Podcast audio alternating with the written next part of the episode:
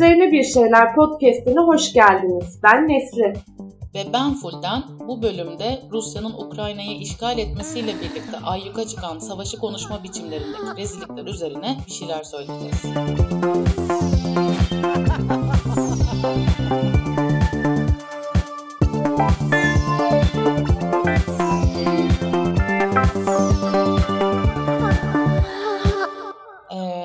Bu hafta bölüm kaydetmek özellikle içimden gelmiyor.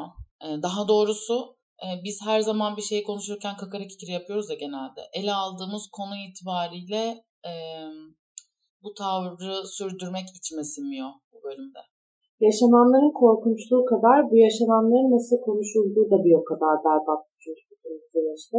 Ee, bizim de başka bir konuyu konuşmaya mecalimiz yoktu gerçekten. Savaşı konuşma biçimlerimiz üzerine bir şeyler söylemek istedik. Gerçekten çok can acıtıcı şeyler yaşanıyor Ukrayna'da. Pek çok insan geceden sabaha ülkenin dört bir yanında aynı anda başlayan saldırılara uyandı. Bir gün içinde milyonlarca insan bulundukları şehri terk etmek zorunda kaldı. Aslında e, bir saldırı bekleniyordu uzun zamandır. E, Rusya sınıra asker ve mühimmat yağıyor diyorlardı ama ben ihtimal vermiyordum işgal edeceklerine. E, Putin de ısrarla Rusya'nın böyle bir niyeti olmadığını söylüyordu ama bir anda bu tavrını değiştirdi ve saldırıya geçti. Ben de e, hani 2011'de biri şöyle bir tweet atmıştı ya. Suriye Orta Doğu'nun en güvenilir ülkelerinden biri. Bu gösteriler iç savaşa dönüşmez merak etmeyin diye. O adam kadar öngörüsüzmüşüm. E, uluslararası ilişkiler mezunu olmam ve 2014'te Ukrayna'da yaşananlarla ilgili 20 sayfa ödev yazmış olmam dışında bir sorun yok. Ee, bu pek öngörüyle alakalı değil bence. Çünkü e, bizimle e, Rusya'nın saldırması kadar saldırmaması için de sebep vardı. Ama çok agresif bir dış politikası var Rusya'nın. Hep var. 2008'de Gürcistan'a saldırdı ve Abazya'yı kendi topraklarının bir parçası yaptı. Afganistan ve Suriye'deki savaşta da Rusya'nın e, ne kadar önemli bir aktör olduğunu hepimiz biliyoruz. Yani NATO ülkeleriyle askeri olarak karşı karşıya gelmiyor pek doğrudan. Ama karşı karşıya gelmese de Soğuk Savaş sonrası dönemde de pek çok savaşın tarafı oldu Rusya çok aktif bir biçimde. Özellikle Sovyetler dağıldıktan sonra Doğu Avrupa'da yaşanan güç boşluğunu doldurmak isteyen devletler arasında çok çetin savaşlar yaşandı. Mesela Bosna'da gördük bunu. Bir de öbür taraftan e, sadece Rusya değil bir de ABD var. Amerika Birleşik Devletleri zaten 2. Dünya Savaşı'ndan beri 20'den fazla ülkeye girdi ya da işgal etti. E, saldırdı bu ülkelere. İşte Filistin, Yemen, Somali, Angola, Libya, Ruanda, e, Karadağ, Lübnan, say, say Irak, bitmiyor. say say bitmiyor. Irak, Afganistan derken ki saymadığım nice coğrafya var. Çok farklı yerlerde büyük savaşlar gördük 20. ve 21. yüzyılda 2. Dünya Savaşı'ndan beri. Hani savaş dediğimiz olguyu çoğunlukla farklı ülkeler arasında gerçekleşmesiyle tanımlıyoruz ya.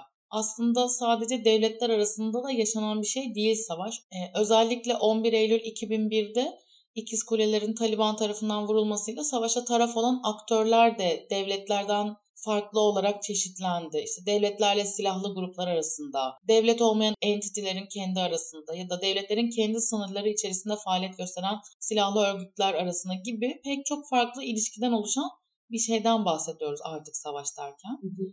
Yani diyorlar ya 3. Dünya Savaşı'nı göreceğiz mi diye. Belki 1. ve 2. Dünya Savaşlarındaki gibi bir yeni bir savaş görmeyeceğiz. Zaten 2. Dünya Savaşı'ndan beri de tillahını gördük savaşların. Hı hı. Ve savaşa hiçbirimiz yabancı değiliz. Hiç tanık olmamış değiliz. Duyuyoruz, haberlerde görüyoruz. Bu çağda savaşın yaşandığını biliyoruz. Ama nedense Rusya'nın Ukrayna'ya saldırısı Batı dünyasında şokla karşılandı. İlk defa medeni bir yerde savaş görüyoruz 2. Dünya Savaşı'ndan beri gibi tepkiler gördük. Yabancıda e, basında demeç veren beyazlar tarafından. Yani bu ne bilimsizliktir, bu ne hafızasızlıktır demek isterdim ama hafızayla hiçbir alakası da yok aslında. Hatırlamadıkları için değil, Birinci Dünya'ya savaşı yakıştıramadıkları için böyle düşünüyorlar savaşı o kadar 3. Dünya ülkelerinin yarışık bir şey olarak görüyorlar ki şunlara denk geldik sık sık. Burası Irak ya da Afganistan değil. Burası medeni Avrupalı bir şehir dedi e, CBS dış muhabiri. En az e, Hande Yener'in Bodrum'a şehir demesi kadar cahilce bir yorum bir kere. evet sadece başkentte çalışma yaşanıyormuş gibi diyorum. Ee, yine benzer bir bakış açısını Daily Telegraph'ta yayınlanan bir yazıda görür. Şey diyor, aynı bize benziyorlar. Bu kadar şaşırtıcı olan da bu. Ukrayna bir Avrupa ülkesi. İnsanlar Netflix izliyor. Instagram hesapları var. Bağımsız seçimlerde oy veriyorlar. Sansürsüz bir medyanın haber okuyorlar. Savaş artık yoksul, uzaktaki toplumlarda olan bir şey değil. Herkesin başına gelebilir.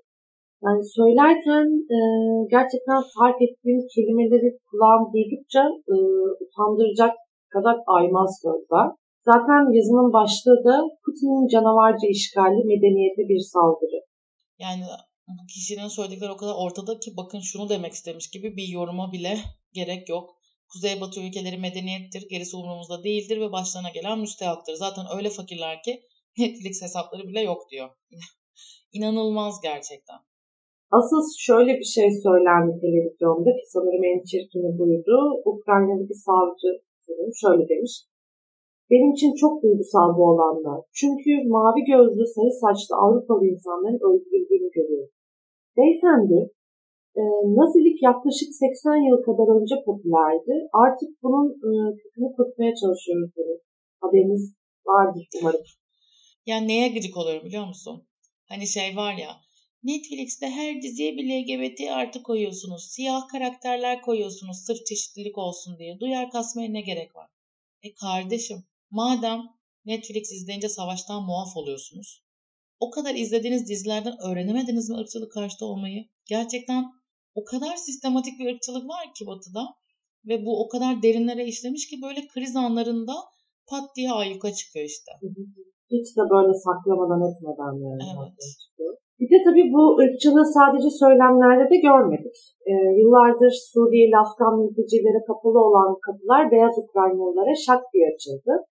E, bu arada gerçekten sadece beyaz Ukraynalılar açıldı. Ukrayna'da okuyan Nijeryalı öğrenciler mesela Polonya sınırında bekliyorlarmış, alınmıyorlar. Öğrenciler Twitter'dan seslerini duyurmaya çalışıyor. Nijerya hükümetine ulaşmaya çalışıyorlar ama kimse hiçbir şey yapmıyor.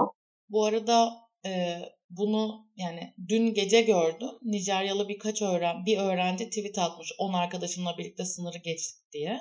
Ama sanırım bu münferit kalacak kadar nadir bir durum. Umarım herkes sınırı geçebilir. Tabii ki e, burada mesele neden beyaz Ukraynalıları aldığınız değil. Aksine savaştan kaçan herkese sınırlarda böyle muamele edildiğini zaten. Savaştan kaçıyorlar, korkunç bir şey yaşıyorlar. E, mesele şu, neden favori mülteciniz var? Neden favori savaşınız var?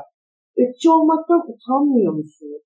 Medeniyet güzellerken kıyasladığınız coğrafyaların, insanların da barış hak etmediğini hangi hakla düşünebiliyorsunuz? Medeni değil dediğiniz coğrafyalara savaşı yakıştırırken utanmıyor musunuz? Bu ırkçılığın benzerini Türkiye'de de gördük tabii ki. Cinsiyetçilikle iç içe geçen bir şekilde gördük. Daha saldırıların başladığı ilk gün çok fazla hesap Ukraynalı mülteci istiyoruz, işte e, Suriyeli mültecilerden sonra bir de Ukraynalı görelim falan gibi e, şakalar e, paylaştılar ki yani buna şaka demek bile çok saçma aslında. Hatta şöyle bir şey gördüm. Ukraynalı bir kadın Türkiye'de yaşıyor. E, röportaj veriyor. Diyor ki lütfen böyle şeyler söylemeyin. Neden Ukraynalı kadınlara böyle şeyler söylüyorsunuz falan diyor. E, içim acıdı. E, böyle bir şey söylemek zorunda kalmasına. Ya arkadaşlar siz iyi misiniz? Kafanız yerinde mi? Ne yapıyorsunuz? İnsanlar evlerini terk edip kaçıyorlar. Bir yerler bombalanıyor. Nasıl derdiniz bu olabilir? Hem gelseler ne olacak? Ne bekliyorsunuz Ukraynalı kadınlardan? Hangi cüretle tecavüz imasında bulunabiliyorsunuz? Ya da farkında değil misiniz ağzınızdan çıkanın neye tekabül ettiğine? 2 ile 2'yi toplayamıyor musunuz? Zorunlu eğitimden hiç mi bir şey kapmadınız? Çok basit bir mantık yürütmeyle çözebilirsiniz bunları da çözesiniz gelmiyor biliyoruz tecavüz şakasını yapmayan bir insan olmak için en ufak bir çaba göstermeyen, Suriye'den kaçıp gelen insanları bir yandan başka bir yerden aşağılarken bir yandan Ukraynalı kadınlara tecavüz etme telaşında olan korkunç insanlarsınız. Ee, bir de tabii e, bunları söyleyenler yani tecavüz imasında bulunanlar e, savaşı bir tecavüze benzetenler öyle anonim hesaplanmayı belirsiz kişiler de değil sinemanın asi çocuğu olmak için çabalayan e, Can Evrenoğlu da benzer bir şey yaptı. Rusya-Ukrayna Blue TV'de arama kısmına çıplak yazımız diyen bir tweet attı. Tam Rusya-Ukrayna yazdıktan sonra da bir de ruj emojisi koymuş. Bu erkek dilini tabii ki çok iyi tanıyoruz. e, Rusya Ukrayna'nın ırzına geçiyor demek istiyor. Ya da Ukraynalı kadınlarla ilgili bu tecavüz imalarını devam ettiriyor. E, bunu da cinselliğin özgürce yaşandığını söylediği kendi dizisiyle ilişkilendirip bunun reklamını yapmaya çalışıyor. Yani nasıl olabilir böyle bir şey? Yani aklım almıyor. Kadıköy'de Kadıköy'de yürürken kafasını kaldırıp duvar yazılarına da bakmadı? Yani oradan bir şey kapar insan diyeceğim ama yani kapmadığında bir önceki başka tecavüz imaları içeren e, tweetlerinden falan da hatırlıyoruz. Ama e, biliyoruz mesela öğrenememekle alakalı değil aslında. Öğrenmeyi, anlamayı istemiyor. Bu onun için daha önce de defalarca yaptığı gibi dalga geçilebilecek bir şey. Ne derse desin kendisine en, en ufak bir zarar da gelmiyor çünkü. Ve göz göre göre tecavüz şakası yapıp bir de üstüne ay hayır ben onu demek istememiştim çok alıngansınız başka yerlere çıkıyorsunuz diyebiliyor kolaylıkla. Ben çok sinirleniyorum adamı.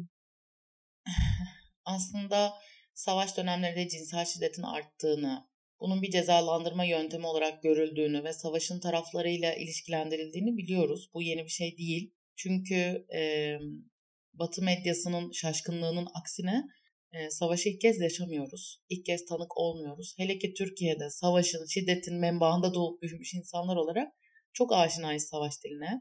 E, her şeyin ulusal güvenlik üzerinden görülüp hakkın, hukukun yok sayılmasına.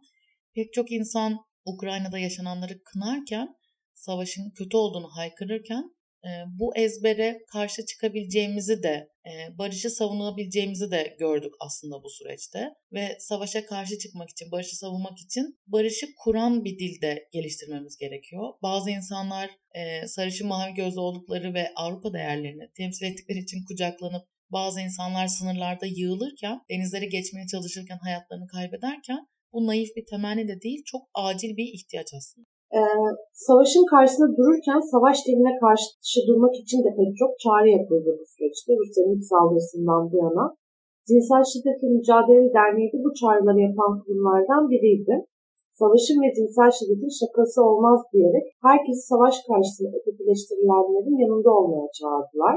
Biz de bu bölümde Cinsel Şiddetle Mücadele Derneği'ne savaşı konuşurken kullandığımız dilin cinsel şiddetle ne gibi bir ilişkisi olduğunu sorduk. Derneğin savunuculuk ekibinden Hilal Esmer bu soruya cevap verdi. Kendisinden dinleyelim isteriz. Ee, merhaba. Aslında tecavüz mizahı demek bile bunun bir mizah kategorisi gibi görülmesine sebep olabilir. Bu açıdan aslında şiddetin mizah yoluyla meşrulaşması diyebiliriz belki. Savaşın kendisi ağır ve kitlesel bir şiddet ve militarizminde tıpkı diğer güç mekanizmaları gibi ataerkillikle, toplumsal cinsiyet eşitsizliğiyle ve de erkekliğin ispatlanmasıyla birebir ilgisi var. Birebir bağı var savaşın kadınlar, LGBT artılar ve çocuklar üzerinde nasıl bir etkisi olduğunu ölümlere, yokluğa, yoksunluğa, zorunlu göçe, insan kaçakçılığına, daha sık kitlesel cinsel şiddete ve tecavüzlere sebep olduğunu artık hepimiz biliyoruz. Şiddetin dil üzerinden yaygınlaştırıldığını da biliyoruz. Meşrulaştığını ve tüm savaşlarda yapılan propaganda faaliyetlerinde bu meşrulaştırmayı görüyoruz, gördük.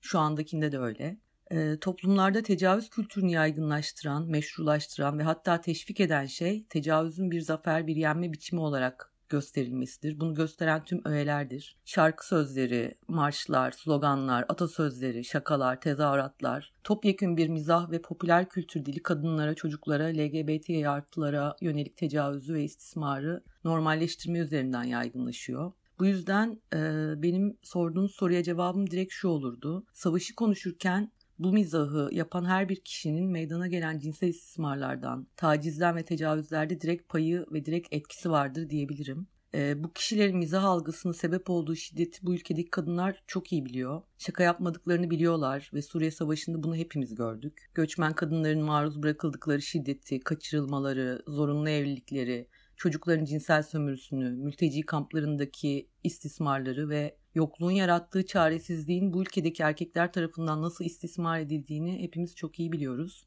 Ee, o yüzden gülüşerek ortalıkta işte Rus kadınlar gelsin, Ukraynalı kadınlar savaştan kaçıp buraya gelsin diyenlerin aklından nelerin geçtiğini de iyi biliyoruz. Cinsel şiddeti ve istismarı önlemek isteyen herkesin tecavüz kültürünü üreten dili ciddiye alması ve yaygınlaşmasını engellemesi gerekiyor.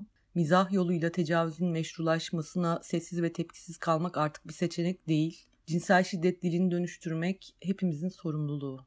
Bu dünya üzerinde yaşarken seçimler yapıyoruz ya. E, bu seçimler gerçeği ya da olanı biteni doğrudan etkileyemeyebilir, değiştiremeyebilir. Yani savaşı durdurma kudretimiz olmayabilir tabii ki her zaman. Ama seçimlerimiz neyin bir parçası olduğumuzu belirler. Ulusal güvenlik perspektifiyle baktığımızda pek çok savaşı haklı bulmak da mümkün. Kimin tarafından dünyaya bakarsak elbette onu haklı görebiliriz. Ama bu seçimi yaptığımız gibi barışın yanında da durup barışı savunup savaşın yarattığı adaletsizlik, savaşın beslediği cinsel şiddete karşı durmak için de bir seçim yapabiliriz. Ve bu seçimi yapanları da gördük. Rusya'da kitleler sokağa çıktı. Bu bizim savaşımız değil dedi polis müdahalesiyle karşılaştılar, gözaltına alındılar ama yine de savaş yerine barıştan yana bir tavır koydular. Belki de e, bu bir şeyi değiştirmese de yani Rusya'nın saldırısını sonlandırmasa da savaşın bir parçası olmayı reddettiler. En azından bu kadarcık bir seçimi yapabiliriz şu üç günlük dünyada diye düşünüyorum. Ve bu tavrı istikrarlı bir şekilde de koyabiliriz.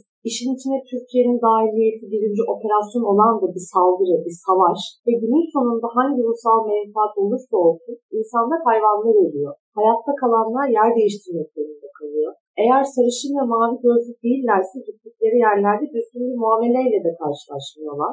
Bunu kimse için dilememek, referans aldığın şeyin ölüm, yoksulluk, adaletsizlik değil, yaşam olması da dediğim gibi yapabileceğimiz bir seçim. E, bölümü kapatmadan beni 24 Şubat'taki ilk saldırıdan bu yana güldüren tek şey oldu. Onu paylaşmak isterim. Söyle canım bakalım neymiş. Ee, bir sürü ülkede eylemler yapıldı ya savaşa hayır diye. Ee, Azerbaycan'da da yapılmış. Bayağı da bir kalabalık. Böyle üstten çekilen görüntüleri gördüm. Ee, bayağı, birkaç cadde dolmuş.